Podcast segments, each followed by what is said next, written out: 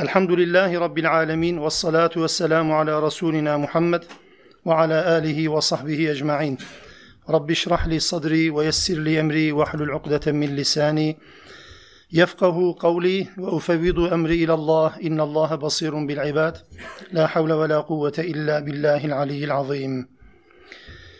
Alemlerin Rabbi Allah'a hamdü senalar olsun. Onun Resulüne, al ve ashabına, ehli beytine salatü selam olsun. Allah'ın rahmeti, bereketi, mağfireti, hayrı hepinizin, hepimiz üzerine olsun inşallah. Ayetleriyle birlikteliğimizi Rabbim hayra, berekete vesile kılsın. Rabbimizden niyazımız bu. İyi okumayı, güzel anlamayı ve anladıklarımızla amel etmeyi Rabbim bizlere lütfetsin. En'am suresini okuyoruz. Ayet 97. Rabbimizin kendisini tanıttığı ayetleri okuyoruz. Nasıl bir Allah? Kendisine kulluğa çağırdığı kişi, zat kendisini tanıtıyor bize. Bu özelliklere sahip olan bir Allah, mabut olmaya layık olmalıdır. Değilse, bu özelliklere sahip değilse, sizin sahip olduğunuz nimetleri size verme konusunda, sizden alma konusunda güç ve iktidar sahibi değilse, böyleleri, böyle insanlar ya da böyle varlıkların mabut olmayacaklarını Rabbimiz anlatmış olacak kendisini tanıtmak suretiyle. Sözlerin başında şunu da yeniden vurgulamakta fayda var. Allah kendisini Kur'an-ı Kerim'de tanıtır. Aleyhissalatü vesselam da kimi ara cümlelerle bu tanıtmaya katkıda bulunur. Peygamberin tanıtmasıyla birlikte Kur'an'da da Allah'ın kendisini tanıttığı bu ayetlerden hareketle şunu söylüyoruz. Bir insan Kur'an'dan habersizse, bir insan peygamberin sünnetinden, hadislerinden habersizse Allah'ı ya yanlış tanıyacaktır ya eksik tanıyacaktır. Allah'ı Allah'ın kendisini tanıttığı şekilde tanıma imkanı yoktur eğer bu iki kaynaktan mahrumsa. Onun için bu ayetleri Allah'ın lütfuyla okuyoruz, öğreniyoruz ve Rabbimizi tanıyoruz. Nasıl bir Rabbe kulluk yaptığımızı en azından bu ayetlerden şimdilik öğreniyoruz. Kur'an'ın bu ve benzeri ayetlerinden Rabbimiz kendisini bize tanıtır. Allah'ın kendisini tanıttığı başka bir yerde zaten yoktur. Ayet 97. Ve huvellezî O öyle bir Allah ki ceale lekumun nucume li tehtedu biha fi zulumatil berri vel bahr. Allah size o Allah ki size yıldızları lütfetti. Bu yıldızlar vasıtasıyla hem karada karanlıklarda hem denizin karanlıklarında yol buluyorsunuz. Allah yıldızları sizin için bu amaçla var etti. Fassalnel ayati li kavmin ya'lemun. Biz ayetleri böylece açıklıyoruz, tafsilatlı olarak bilgi veriyoruz ama herkes için değil, bilen bir toplum için. 98 ve 99'da da yine Rabbimizin kendisini tanıttığı diğer ifadelere geçmiş olacağız. Ama başta da şunu söyleyelim. Geçen dersin sonunda da hatırlatmıştık. Allah'ı tanımanın yolları olarak, işaretleri olarak, şahit, meşhut göstergeler olarak yani Kur'an'ın ayetleri olarak değil de kainattaki ayetler olarak Rabbimizin bize tanıttığı bir bölüm okuyoruz. Üç ayet peş peşe. Bu ayetler bize tanıtılırken likavmin ya'lemun, likavmin yefkahun, likavmin yu'minun diye peş peşe gelmiş olacak. 97, 98 ve 99. ayetlerin sonlarında bu ayetlerde Allah'ın kendisini tanıttığı özelliklerin anlatımından sonra bu ifadeler kullanılıyor. Bilen bir toplum için, kavrayan, anlayan bir toplum için ve de inanan bir toplum içindir bu ayetler diye peş peşe koyuyor. Demek ki önce ayetlerin bilinmesi, öğrenilmesi lazım. Öğrenilen ayetler üzerinde tefekkür edilmesi, kavranması, fıkh edilmesi lazım Arkasından da bu ayetlere iman edilmesi lazım. Meşhud ayetlerden bahsediyor. Rabbimizin varlığının, kudretinin, birliğinin göstergesi olan, işaretleri, alametleri olan kainattaki ayetlerden söz ediyoruz. 97. ayet gökteki ayetlerden Rabbimiz bize bahsetti. Nedir bu? Yıldızlar. Yıldızları Allah varlığının, kudretinin göstergelerinden birisi olarak bize lütfetti bir nimet olarak tanıtıyor burada. Ve En'am suresinin bu 97. ayetinde yıldızların fonksiyonlarından bir tanesi. Nedir demek ki? لِتَهْتَدُوا biha fi zulumatil berri vel bahr. Karanlıklar içerisinde, ister deniz yolculuklarında, ister karadaki yolculuklarda, karanlıklarda, karanlık zamanlarda size yol gösteren unsurlardır yıldızlar. Bu litehtedu ifadesinin bir nevi pusula görevini gören yıldızlar anlamında kullanıldığını biliyoruz. Yani yön belirleme araçlarıdır yıldızlar. Dün geçerliydi, bugün de geçerlidir. İnsanların karanlıkları içerisinde kaldığında, gökyüzüne baktığında yıldızlardan hareketle yol bildiklerini, yol bulduklarını biliyoruz. Bu bildiğimiz anlamdaki yolu bulma. Aynı zamanda litehtedu ifadesi soyut anlamdaki yol bulma anlamına da kullanılıyor. Yani yıldızlar aynı zamanda Allah'a giden yolu gösteren temel unsurlardandır. Hani Yasin'i hatırlarsanız وَاَيَتُ لَهُمُ اللَّيْلِ ve şemsu tecrili mustakarrillaha gibi ifadeler kullanıyor ya gece bir ayettir, güneş bir ayettir, ay bir ayettir. Bütün bütün gezegenler kendi yörüngelerinde hareket etmeleri bir ayettir diye anlatılır. Bunların tümü Allah'ın varlığının, birliğinin, kudretinin göstergelerindendir ve insanlar bunlardan hareketle Rablerini bulurlar. Bu nimetlerin arkasındaki en büyük gücün Allah olduğunun farkına varır ve böylece iman ederler. Yıldızlar ile alakalı olarak Kur'an-ı Kerim'de bu özelliğin yanı sıra iki tane daha temel fonksiyonlarından söz edilir. Yıldız dendiği zaman ne işe yarar hakikaten? Ki elektriklerin, projektörlerin aydınlattığı şehir ışıkları altında çoğumuz belki yıldızların bile farkına varmayız. Ancak karanlıkların bulunduğu bir yere, kırsal bir bölgeye gittiğimiz zaman ancak yıldızları görebiliriz. Samanyolu dediğimiz o muhteşem gökyüzü düzenini ve süsünü çoğumuz belki görmekten de aciziz, mahrumuz. Bu ışıkların altında zaten görme imkanımız da pek olmuyor. Hatta öyle bir çalışma temposu, öyle bir dünyevileşme temposu içerisinde zaten gökyüzüne bakacak zamanımız da yok. İşin diğer tarafında insanlar zor zor önlerini görüyorlar. Bir de gökyüzüne nasıl bakacaklar? O da işin diğer tarafı zaten.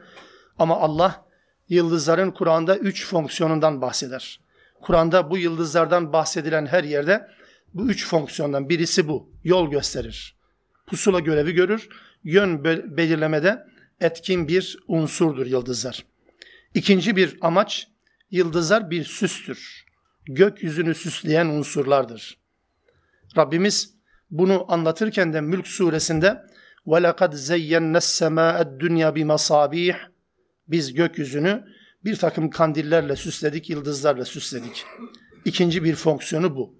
Süs. Yani gökyüzünü süsleyen bizim bildiğimiz anlamdaki süs değil yani. Ekstradan aksesuar anlamdaki süs değil tabii ki. Hem bir takım fonksiyonları olan hem de aynı zamanda gökyüzünü süsleyen müthiş bir manzara anlamındaki süs. Ama aynı ayetin devamında Mülk suresinin bu 5. ayetin devamında üçüncü bir fonksiyonlarından söz eder yıldızların. وَجَعَلْنَاهَا رُجُومًا لِلشَّيَاطِينَ وَاَعْتَدْنَا لَهُمْ عَذَابَ السَّعِيرِ Aynı şekilde gökyüzü haberlerinden Allah'ın meleklerin melekut aleminde konuştuklarının çalınmasına çalışan, çalmasına çalmaya çalışan, o haberleri almaya çalışan e, cinlere cinlere saldırı düşüncesiyle kullanılan, onları yok etmek, onları cezalandırmak amacıyla peşlerinden böyle bir tavır içerisine girdikleri zaman arkalarından gönderilen yıldızlardan da bahsedilir. Şeytanların, cin şeytanlarının veya şeytan cinlerinin gökyüzünden haber almaya çalıştıkları zaman Allah'ın o şeytanların peşinden taşlama aracı olarak kullandığı yıldızlardan da söz ediliyor. Bunun mahiyeti nasıldır? Doğrusunu bunu tespit etme imkanı yok. Yani bilimsel anlamda acaba meteorlar mı bu görevi görüyor? Burada girmeye de lüzum görmüyorum doğrusu. Burada bildiğimiz bir şey var. O da Allah'ın şeytanları taşlama aracı olarak yıldızları kullandığıdır. Şu halde yol bulma aracı olarak yıldız, süs olarak yıldız ve de şeytanları taşlama aracı olarak yıldız. Bu son özellik aynı zamanda Cin suresinde de 8 ve 9. ayet-i kerimelerde de anlatılır. Benzeri Hicr suresinde de 17-18. ayetlerde anlatılır. Şeytanların özellikle cinlerin Cin suresinde ifadesi ve itiraflarından Rabbimiz bahsederken Aleyhissalatü Vesselam'ın okuduğu Kur'an'la muhatap olunca, rastlayınca o ana kadar peygamberin gelişinden onun gelişini duydukları bu birkaç yıllık süre içerisinde gökyüzünden bir türlü haber alamadıklarının nedenini merak ediyorlardı. Sonuçta peygamberden Kur'an'ı dinleyince, Kur'an'ı dinledikten sonra bunu anlayınca kendi kendine dediler ki Cin suresi bunu ifade eder. Demek ki yıllardır bizim gökyüzünden haber almamıza engel olan şey buymuş. Son mesajın gelmiş olması bu engelin nedeniymiş diye karar verirler ve bu karar Rabbimiz bize anlatır. Dolayısıyla bu özellikleriyle yıldızlar söz konusudur. Onun dışında yıldızların insan hayatı üzerinde ya da insanların yıldızlar üzerinde herhangi bir etkisinden, fonksiyondan söz edilmez. Edilmez de peki buna rağmen nedense biz nedense biz cahili bir anlayışın gereği midir desem ya da başka bir düşünceden mi kaynaklanıyor desem hani bir insan diğer insanla biraz problem yaşayınca yıldızlarımız hiç barışmıyor cümlesinin anlamı ne bilmem. Galiba özellikle yıldız üzerinden yıldızların güç sahibi etkin insan hayatı üzerinde etkinliği itibariyle bir rol üstlenmelerinin itirafıdır ama son derece yanlıştır. Yıldızların barışmadığını söylemek, iki insanın bir türlü uyuşmadığını, anlaşamadığını ifade etmenin adı olarak yıldızlarımız bir türlü barış, barışmıyor diye ifade etmek son derece yanlış bir ifadedir. Yıldızın böyle bir fonksiyonu yok. Böyle bir etkisinden de Rabbimiz söz etmiyor. Onun için yıldızlarımız barışıyor, barışmıyor gibi bir ifade İslami bir anlayıştan kaynaklanan bir ifade biçimi değildir. Yani bunu söyleyen şirk koşmuştur, bunu söyleyen kafir olmuştur anlamında söylemiyorum tabii ki. Ama bunu bilerek söyleyen bir insanın yıldızlara bir güç atfettiğini de herhalde dikkate alınması lazım. Bu da ayrı bir problem. Bu da yanlış. Bu yanlışı da düzeltmiş olan bu vesileyle. Bu yıldızları size lütfeden Allah ve bilen bir toplum için ayetleri açıklıyoruz. Ayet 98. Ve huvellezî enşe'ekum min nefsin vahide. Hepinizi hepinizi bir tek özden yarattı. Bir tek özden meydana getirdi. Nisa suresinin ilk ayetinde Rabbimiz bu gerçeği anlatırken sizi bir tek nefisten yaratan, ondan da eşini, aynı özden de eşini var eden ve bu ikisinden de kadın ve erkek olarak, kadın ve erkek olarak yeryüzü insanlığını yaratan Rabbinize karşı takvalı olun diye uyarıda bulunur. Nisa suresinin ilk ayeti. Bunun benzeri bir ifadedir. Hepinizi bir tek nefisten, bir tek nefis dediği Adem'den ziyade, Havva'dan ziyade Adem ve Havva'nın özünü oluşturan o şey. Hepinizi bir tek özden yarattı. Kadının erkeğe erkeğin kadına bir üstünlüğünden söz eden bir ifade değildir. Adem'in önceliğinden Havva'nın sonralığından bahseden bir ifadenin ötesinde Elbette sıralama itibariyle böyle olabilir ama bundan ziyade insan cinsi olarak ister kadın olsun ister erkek olsun hepinizi bir tek özden yaratmıştır. Hepinizin yapı taşı aynıdır. Farklı görevleri, farklı fonksiyonları, nimet ve külfet dengesi farklı olabilir. Ama sonuçta hepiniz aynı özden yaratılmışsınızdır. Ve hepiniz aynı özden yaratıldığınıza göre fe müstakarrun ve müstevdaun. Her birinizin konacağı yer ve her birinizin göçeceği bir yer de belirlenmiştir. Konacağı yer, göçeceği yer ne anlama gelir? Yani kalıcı olduğu yer, orayı da geçici yapar, sonra bir başka yere intikal eder. Her bir nefis, kadın ve erkek yaratıldığı günden bugüne kadar hep bu iki durak için hayatı yaşarlar. Her birisi mutlaka uzun bir süre kalacağı bir yerdedir. Sonra orayı terk eder, bir başka durağa geçer. Nasıl yani? Mesela ilk öz yaratılırken çamurdaydı. İlk nefsin özünden babanın omurgasına taşındı. Çamurdaydı öz sonra babanın omurgasına, sırt bel kemiklerine taşındı. Oradan annenin rahmine taşındı. Orada biraz yerleşti rahimde bekledi sonra dünyaya taşındı. Dünyada biraz bekledi sonra kabire taşındı. Yani mekan olarak söylemiyorum. Öldükten sonra diriliş gününe kadarki süre demektir kabir zaten.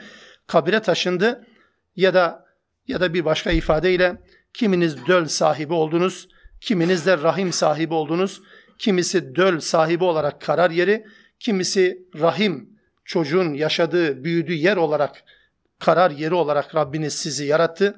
Bazınızın evi vatanı var, bazınız gurbette veya göçebe şeklinde hep hayat böyle devam edip gider. Bu iki kelimenin bu şekilde ifadesi mümkün. Yani insanın yaratılışı itibariyle mutlaka konduğu ve göçtüğü mekanlar, duraklar vardır. İnsan tek düze bir varlık değildir. Bir yerde kalır, belli bir süre orayı terk eder, bir başka durağa geçer. Orayı terk eder, bir başka durağa geçer. İşte bunu size lütfeden ya da böyle bir yaratılış şekli düzenleyen Allah'tır. Kad fassalna ayati li kavmin. Fıkheden bir toplum için ayetleri böyle açıklıyoruz. Fıkheden toplum. Fıkh etmek, fıkıhla alakası yok tabii günümüzdeki fıkıhla anlamında değil. Kavrayış sahibi, keskin ve ince anlayış sahibi olan insanlar için biz ayetleri açıklıyoruz böyle. Ayet 99. Ve huvellezî. O öyle bir Allah ki. Peş peşe ve huvellezî ve huvellezî. Nasıl bir Rabbe kulluk yaptığınızı bilin anlamında Rab kendini tanıtıyor bize. O Allah ki enzele mines semâi mâen Gökten su indirendir. Yağmuru indiren o Allah'tır. فَاَخْرَجْنَا bihi nebate kulli şeyin. O yağmur vasıtasıyla bütün her şeyi oradan bitiririz. Bitki örtüsünü onunla meydana getiririz. فَاَخْرَجْنَا minhu hadira. Ve onunla bir takım çimenler, otlar yetiştiririz.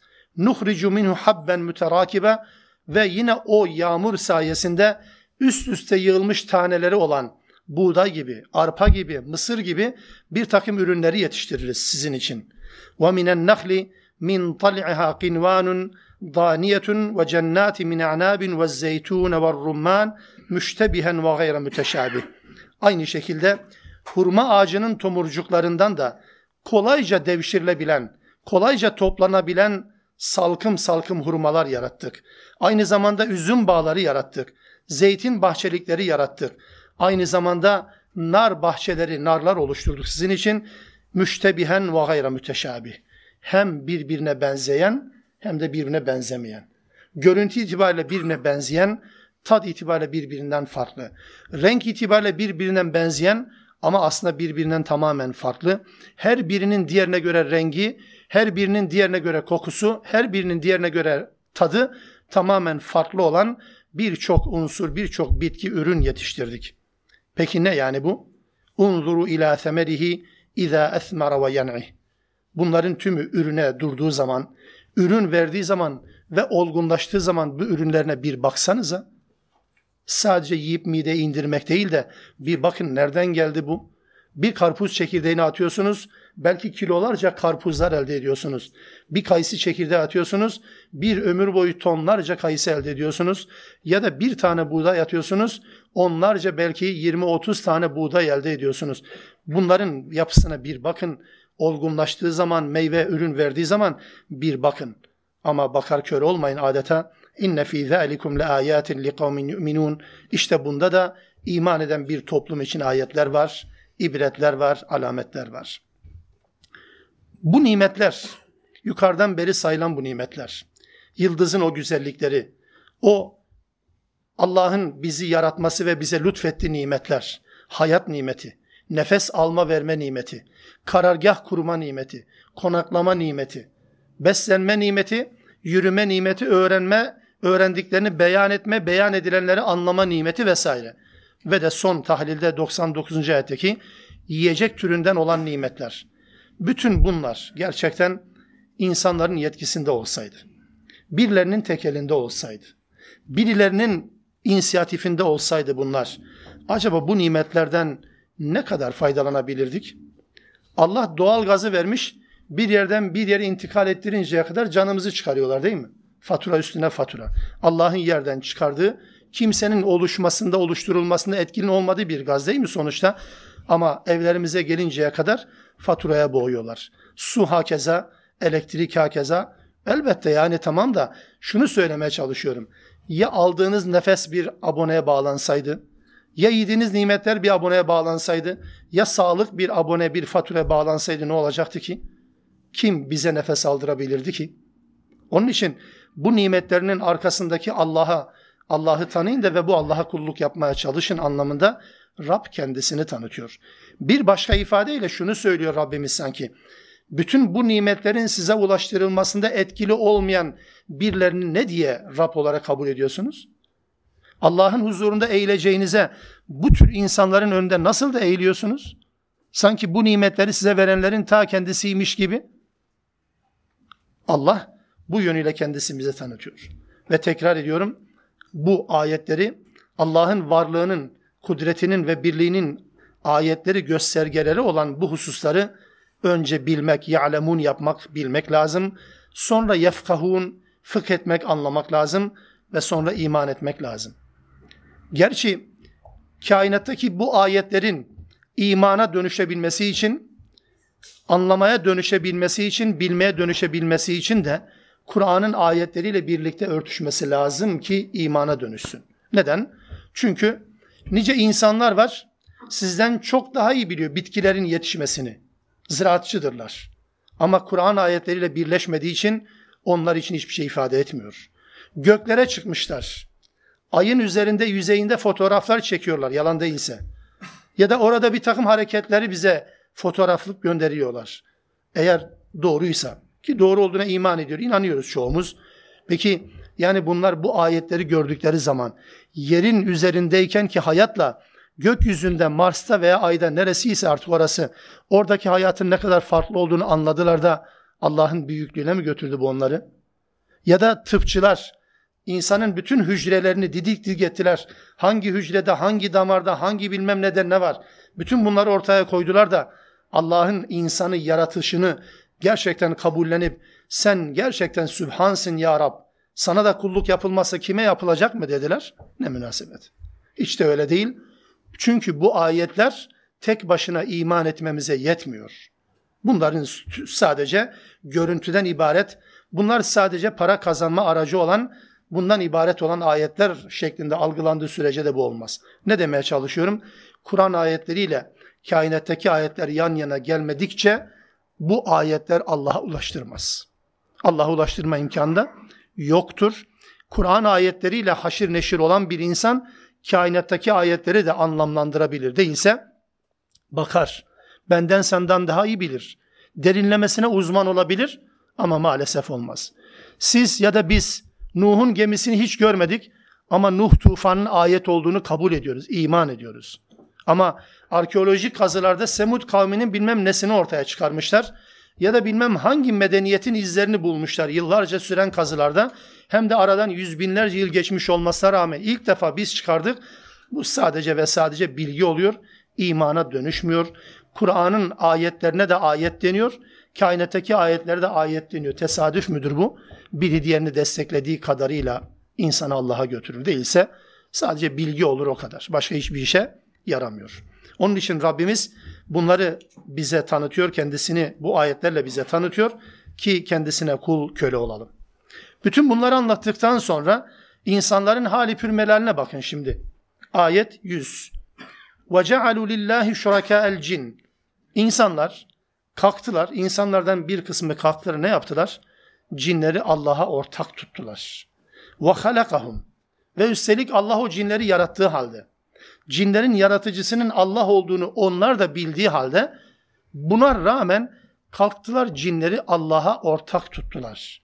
Ve haraku lehu benine ve benatin. Ve kalktılar Allah için oğul isnat ettiler. Allah için kız isnat ettiler. Peki bilgiye mi dahil? Hayır, bir gayri ilmin bir bilge dayalı da değildi. Kimsenin söylemesine dayalı olarak bunu söylemiyorlardı. Öyle öğrenmişlerdi.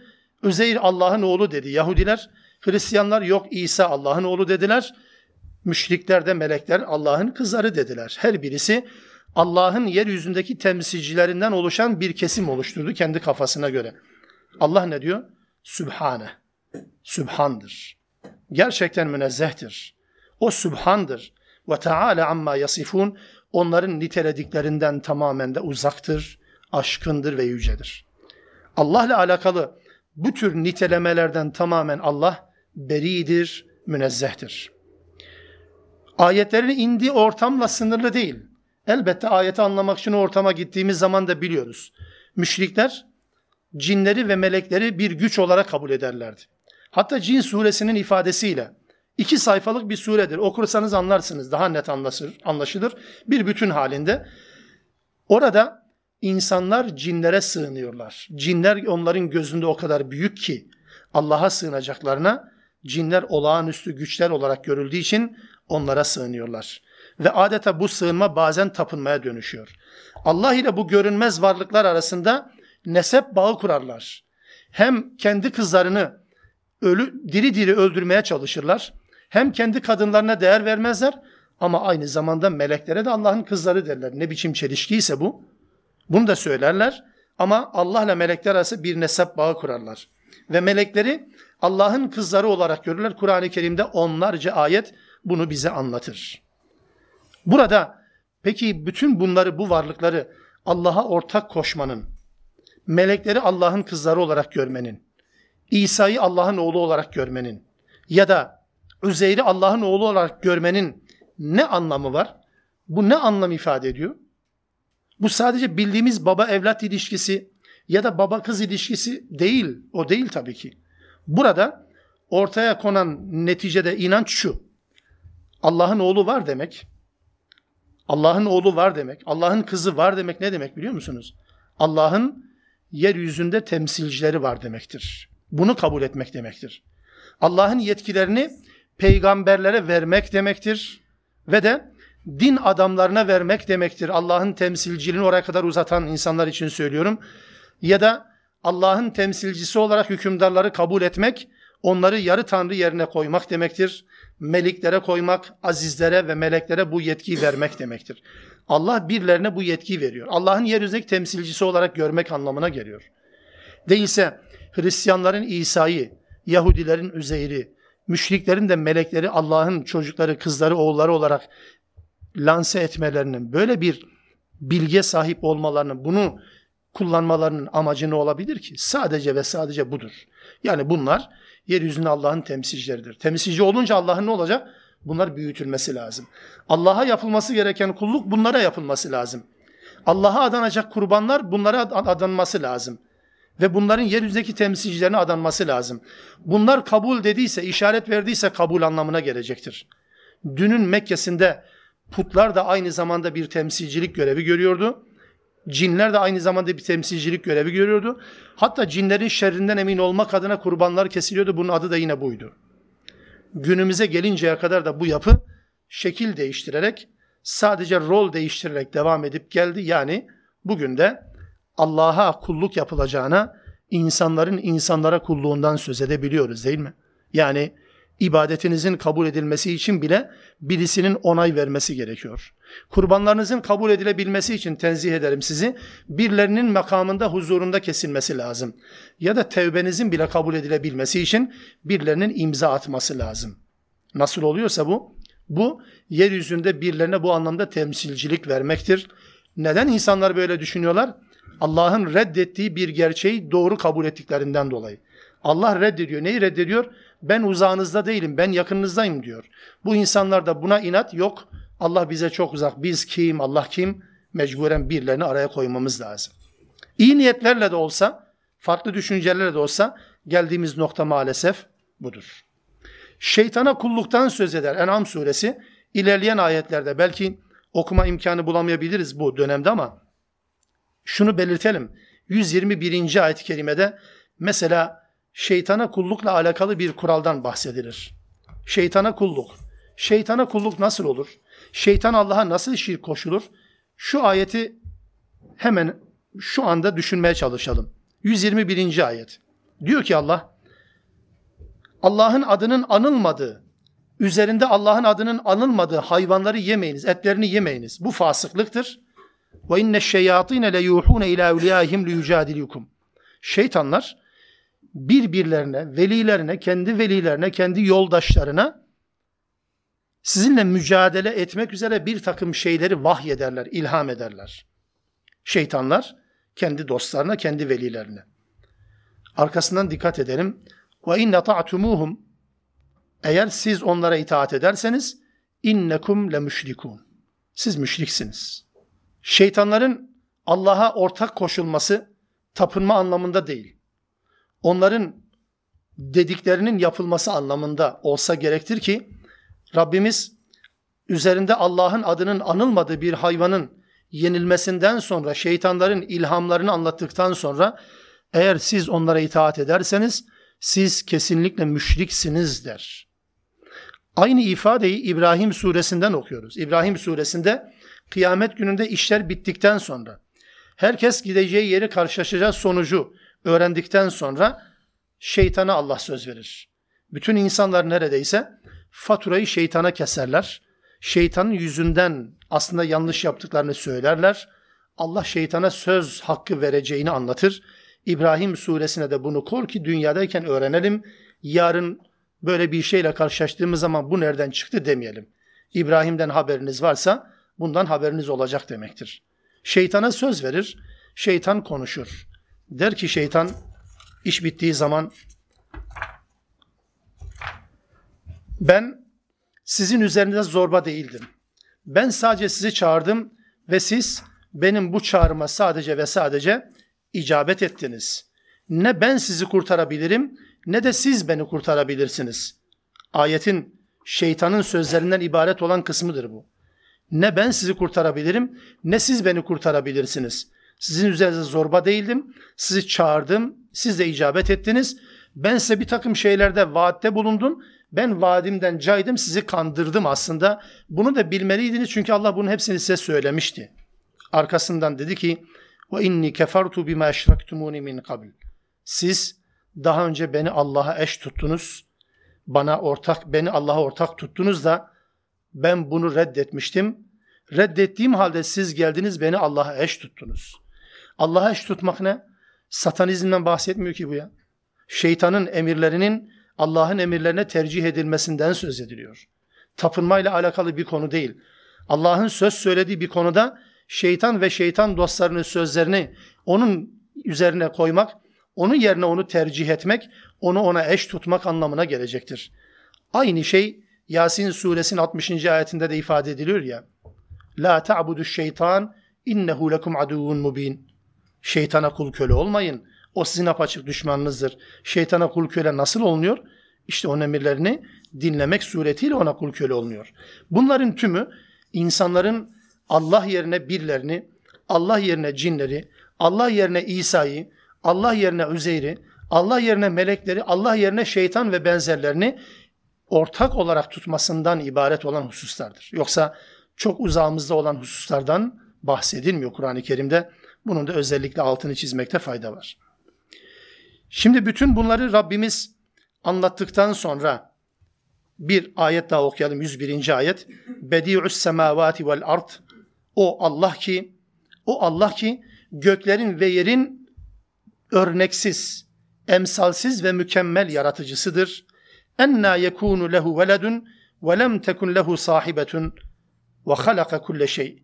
Her şey yarattığı halde, eşi olmadığı halde, eşe ihtiyaç olmadığı halde nereden onun çocuğu olacak ki? Nasıl çocuğu olabilir ki?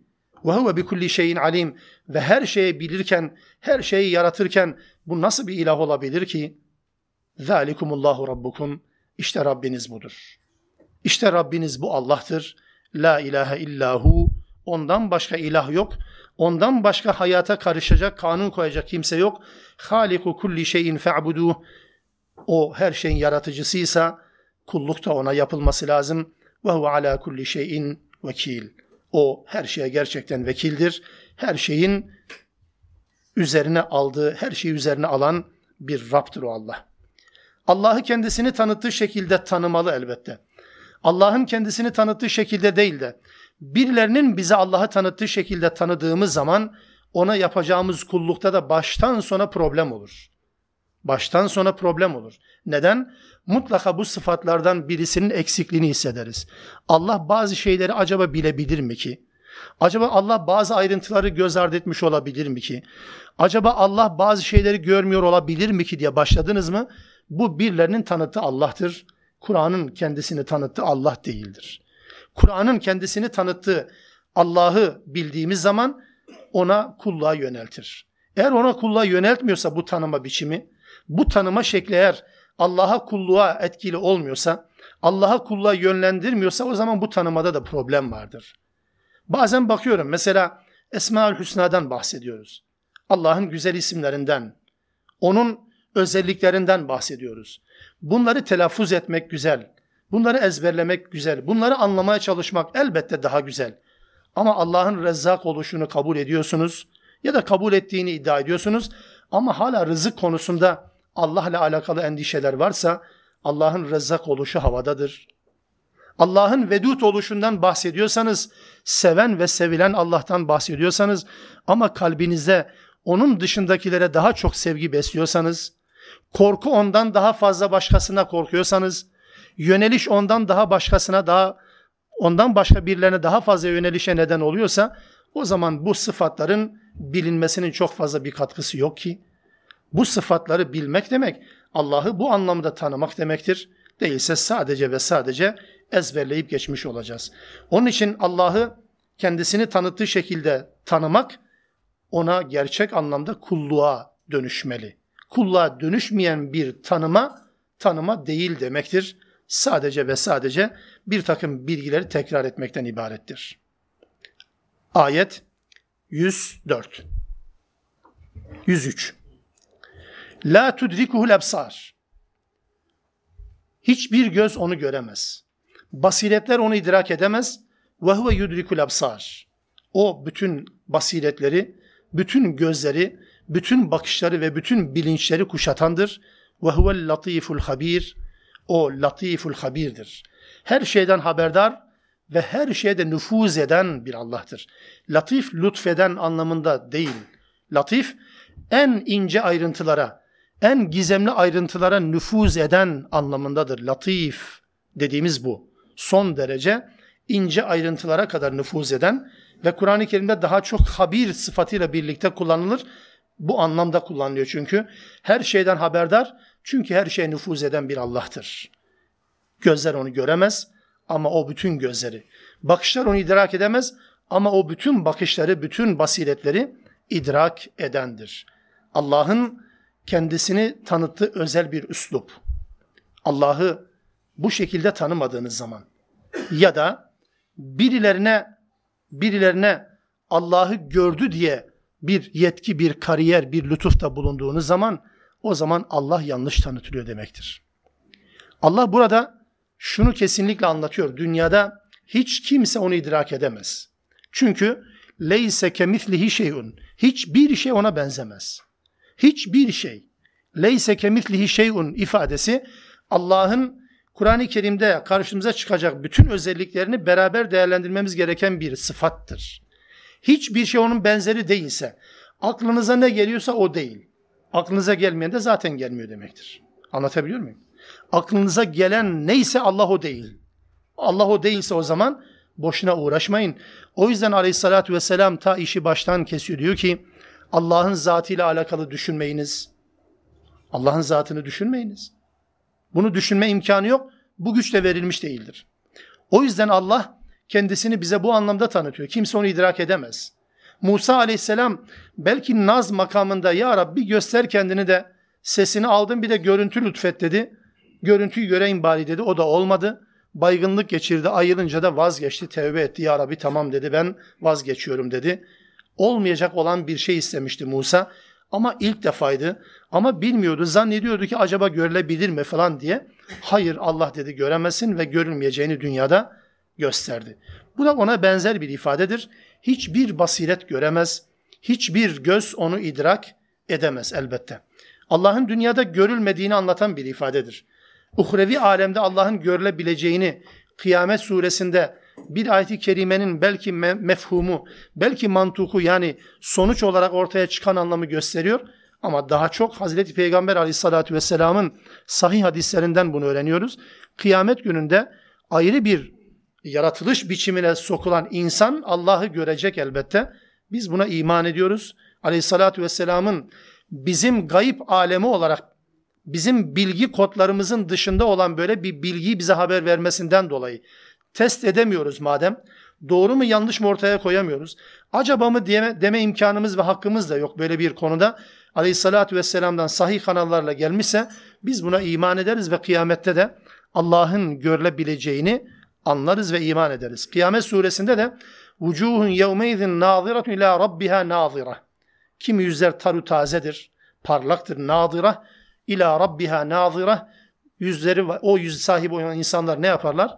Rablerine bakarlar ve Rablerine bakmakla da keyif alırlar.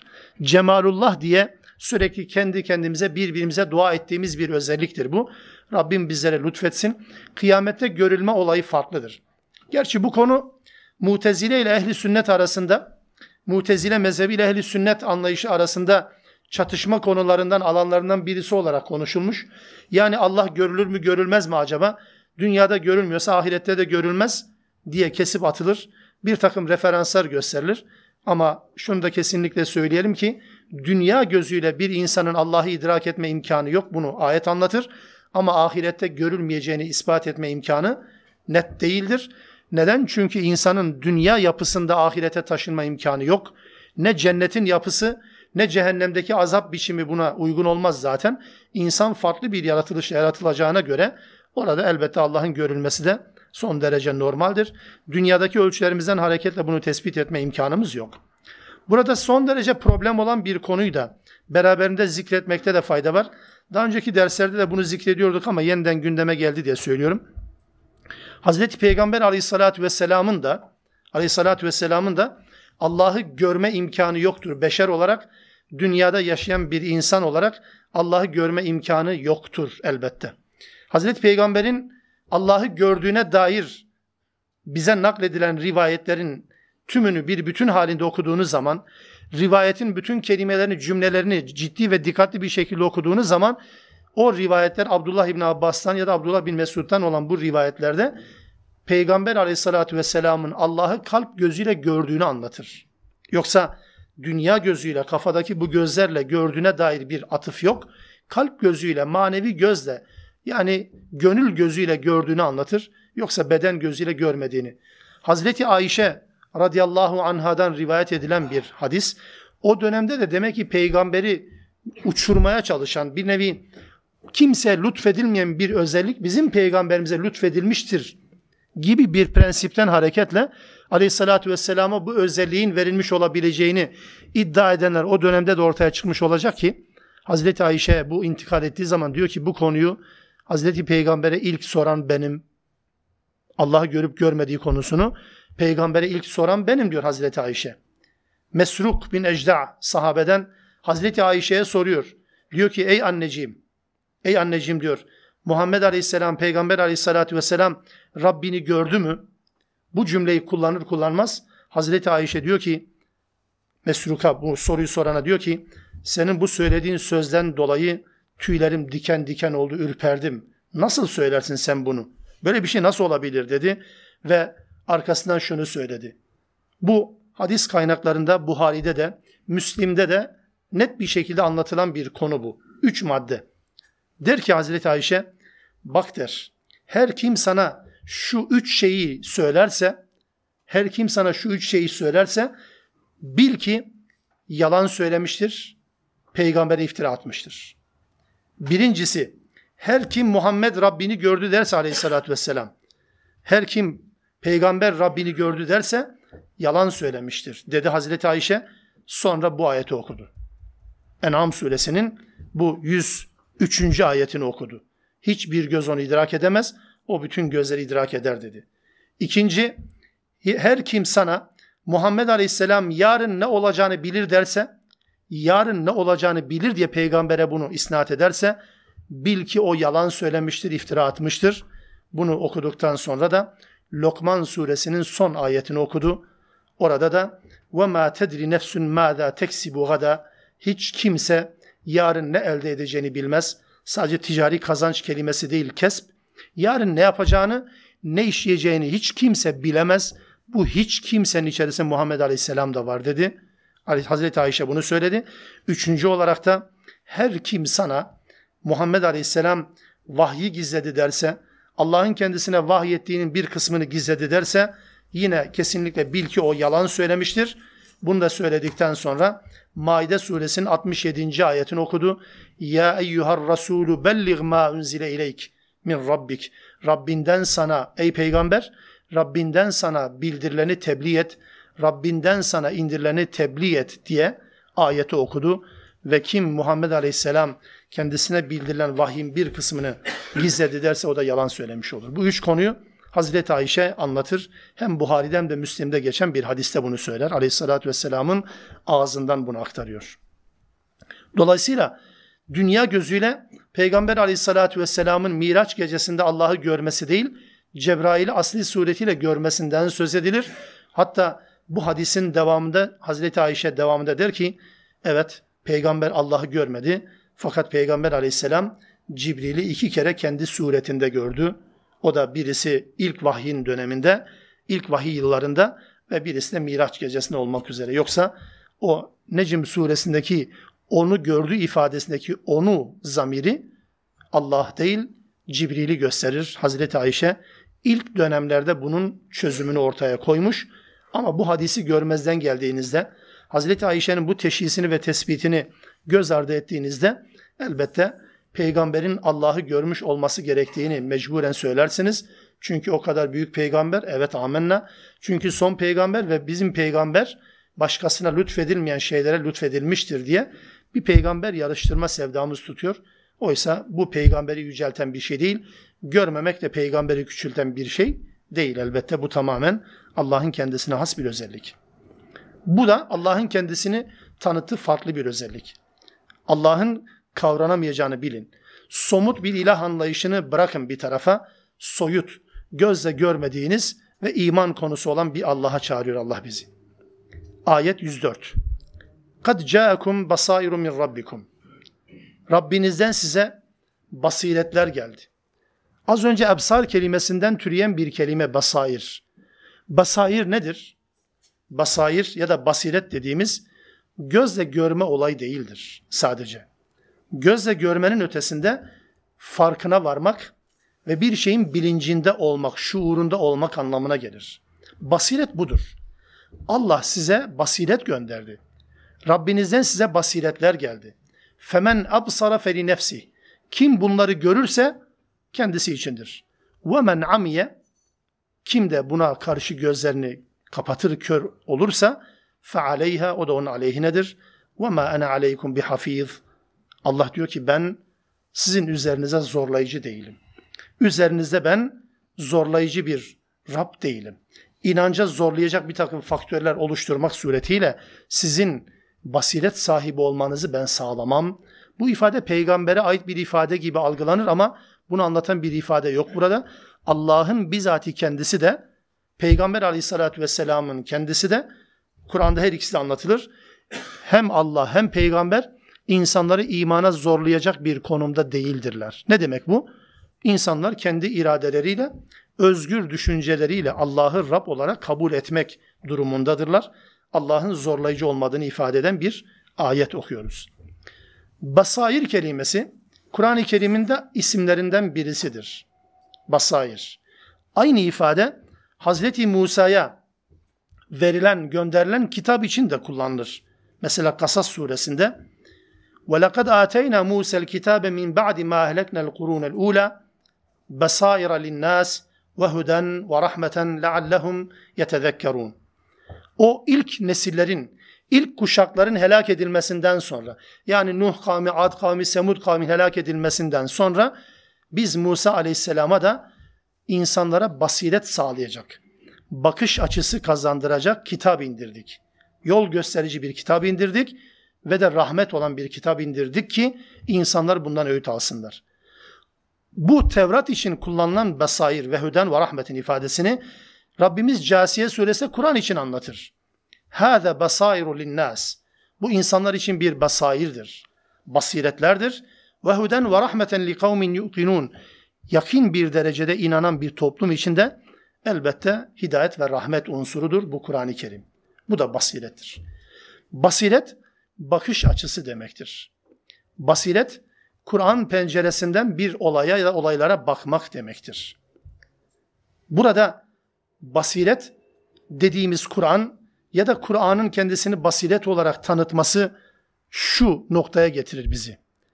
Kur'an gözlüğüyle bakanlar olaylara farklı baktırır Kur'an ve farklı gösterir. Gözlüğün camının rengi neyse dış dünyada gördüğünüz şeyler de o rengi alır. Bu budur basair. Olaylara Kur'an penceresinden ve Kur'an gözlüğünden bakmaktır. Anlatılan da budur burada. Ve dolayısıyla ne kadar ayet o kadar basiret. Ne kadar ayet o kadar iman Enfal suresinde ve burada da ne kadar ayet o kadar basiret. Ayetlerle haşır neşir olduğumuz oranda olaylara Kur'an bakış açısıyla bakma imkanını ve kabiliyetini elde ederiz değerli kardeşlerim. Dikkatinizi bu noktaya toparlamak istiyorum. Çünkü Kur'an perspektifinden uyduruk kelime kullanıyorum. Kur'an bakış açısıyla, Kur'an'ın penceresinden bakmadığınız zaman iyi ile kötüyü birbirinden ayıramazsınız. Neyin hayırlı neyin şerli olduğunu tespit edemezsiniz. Kur'an bir şey şerli derken sizin bakış açınıza göre bu hayırlı olur. Kur'an'ın bakış açısına göre hayırlıyken siz bu pencereden bakmadığınız için şer olarak görürsünüz. Kur'an bu basireti verir. Kur'an bu gözlüğün takılmasına vesile olur.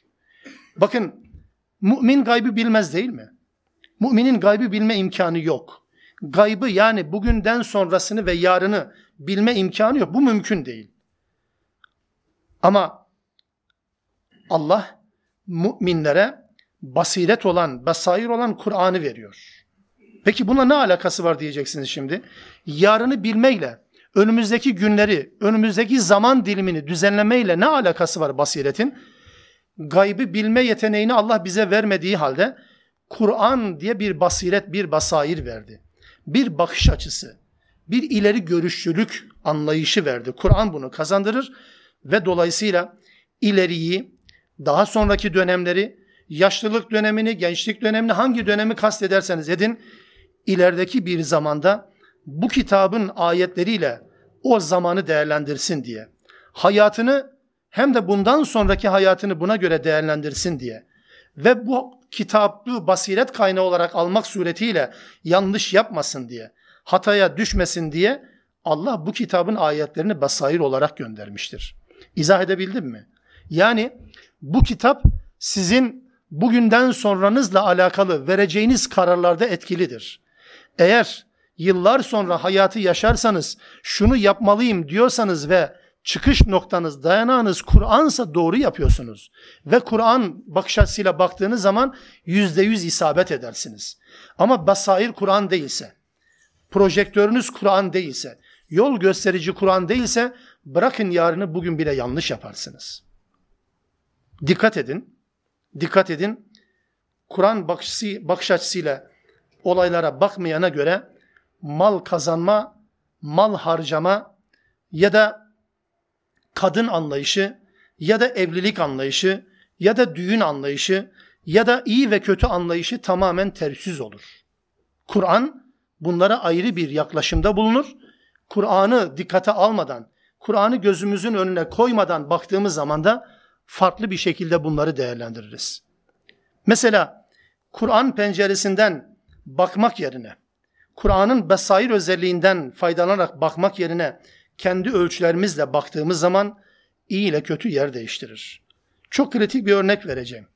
Mesela belli başlı kimi mevkilerde kimi kadınların bulunmasının, örtülü kadınların bulunmasının kimi Müslümanların çok hoşuna giden, duygularını okşayan ve belki ha işte beklediğimiz tablo budur dedirten kimi bakış açılarını okuyoruz, dinliyoruz yazılıyor ve çiziliyor.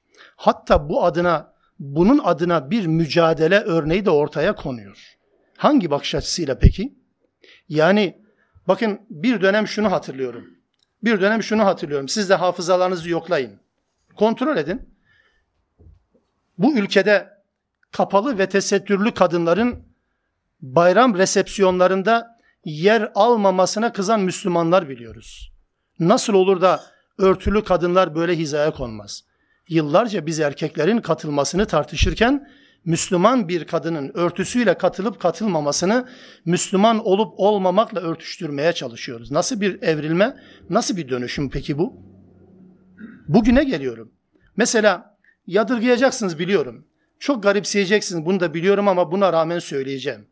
Mesela bir kadının örtüsüyle birlikte bir büronun içerisinde, bir ofisin içerisinde akşama kadar bir erkekle ya da bir erkeğin bir bayanla örtülü bir bayanla birlikte akşama kadar mesai şartları içerisinde bulunmasının neresi İslami? Kur'an perspektifinden bakın. Kur'an'ın gözlüğünden bakın biraz. Bu dünyanın gözlüğünden bakarsanız burası çok doğru görünebilir size. Yıllarca buna hasret kalmış insanlar olarak dersiniz ki bu olması lazım. Neye göre peki? O size göredir. Kur'an'a göre bu doğru değil ki. Yani bunun olması olmaması gerektiğiyle alakalı bir şeyden bahsetmiyorum. Dikkatinizi çekmek isterim. Öyle bir derdim de yok. Müslümanların böyle bir gündem maddesi de olmamalı zaten. Müslüman kadınlara zulmedilmesi ayrı bir gündem maddesidir. Eyvallah. Ama bakın bunun adını korken adına İslam demeyin. Aynı şekilde mesela Müslümanların kimi dönemlerde, kimi zamanlarda, hatta kimi programlarda nasıl anlarsanız anlamı özgürlüğüne sahipsiniz değerli kardeşlerim. Zihnimi okumaya çalışmayın sadece. Ben sadece net söylüyorum.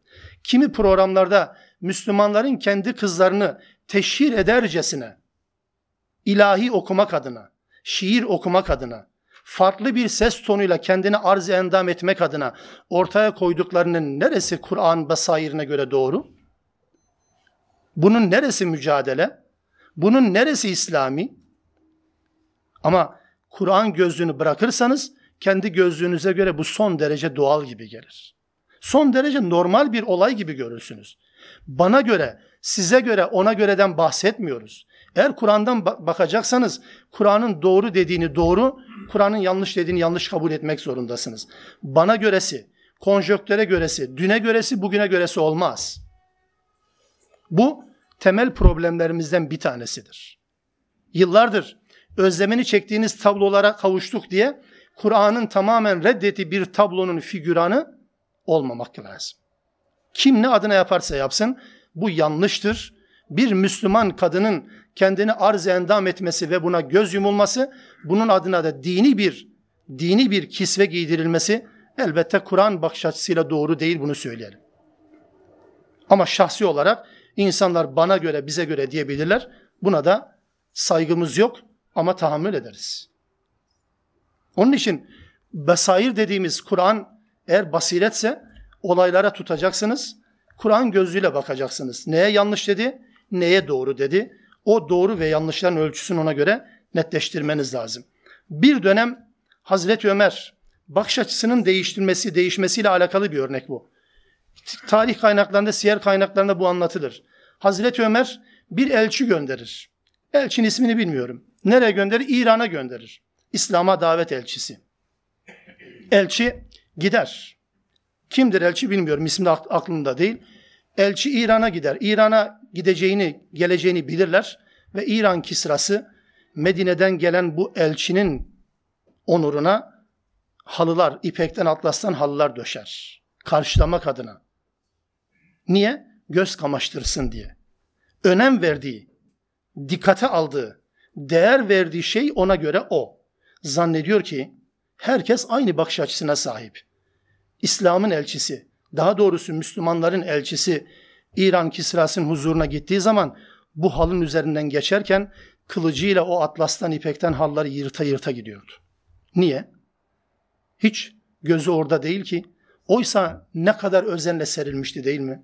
Ne kadar dikkatle serilmişti. Ne kadar önem verilmişti. İşte gelecek gözleri bunlara ilişecek ve belki kendini kaybedebilecek düşüncesiyle. Oysa bu elçi Kur'an bakşasıyla baktığından dolayı kılıcıyla halları yırta yırta gidiyordu. O bakış açısı ona bunu kazandırmıştı. Aynı bakış açısına mensup olan Müslümanlarla Bizans ordusu karşı karşıya kaldığı zaman Bizans'ın hükümdarı Müslümanlar askerler için şunu söylemişti.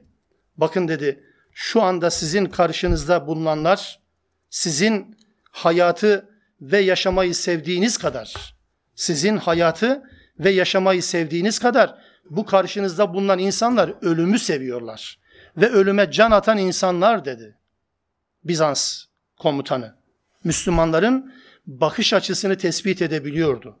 Bu Müslümanlar sizin hayata verdiğiniz değer kadar, hayata bağlandığınız kadar ölüme can atan insanlardır ona göre dikkatli olun diye onların dikkatini çekiyordu.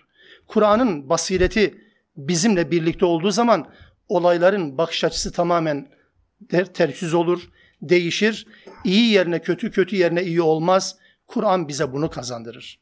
Onun için onun için Kur'an'ın basiret özelliği, basair özelliği eğer yoksa, eğer Kur'an açısından, Kur'an penceresine olaylara bakma gibi bir özelliğimiz, bir kabiliyetimiz kaybolduysa ve buna rağmen Kur'an okuduğumuzu iddia ediyorsak, Allah rızası için bu Kur'an okumayı yeniden gözden geçirelim. Hayatı değiştirmeyen, ailemizi değiştirmeyen, kıyafetlerimizi değiştirmeyen, anlayışımızı değiştirmeyen, aile hayatımızı değiştirmeyen, düğünlerimizi değiştirmeyen bir Kur'an okuma nasıl bir Kur'an okumadır ki? Allah öyle demiyordu, şöyle diyordu. İnnemel mu'minûnellezîne izâ zükirallahu vecilet kulubuhum ve izâ tüliyet aleyhim âyâtuhu zâdetum imanen ve alâ rabbihim yetevekkelûn demişti. O iman edenler ki Allah gündeme geldiği zaman kalpleri ürperir, Allah'ın ayetleri okunduğu zaman imanı artar. Bir ayet okunduğu zaman ayet okumadan önceki halle ayet okunduktan sonraki hal aynı olmamalıydı. Değişmeliydi, üzerine ilave edilmeliydi. Yok hükmünde olmamalıydı. Ne fark etti sorusunun cevabı mutlaka olmalıydı. Çok fark etti olmalı ki ayetin okundu anlaşılsın. Kur'an'ın basiret özelliği budur. Rabbim bu basiretle bizi donatsın inşallah. 105. ayet okuyup bırakıyorum. وَكَذَٰلِكَ نُصَرِّفُ الْآيَاتِ وَلِيَقُولُ دَرَسْتَ وَلِنُبَيِّنَهُ لِقَوْمِ يَعْلَمُونَ Biz böyle ayetleri açıklıyoruz. Ayetleri böyle izah ediyoruz. Ve sonuçta senin onlara aktardığın bu ayetler onlar tarafından duyulduğu zaman kaçınılmaz olarak şunu da söyleyecekler. Sen bunu başka bir yerde öğrendin. Ya da ehli kitabın alimlerinden öğrendin. Ya da bu senin ortaya koyacağın bir bilgi değil diyecek kadar gerçekten ayetleri çok açık ve net bir şekilde onlara anlattın ve sonuçta onlara izah ettin ama herkes için değil. Li kavmin ya'lemun bilen bir toplum için.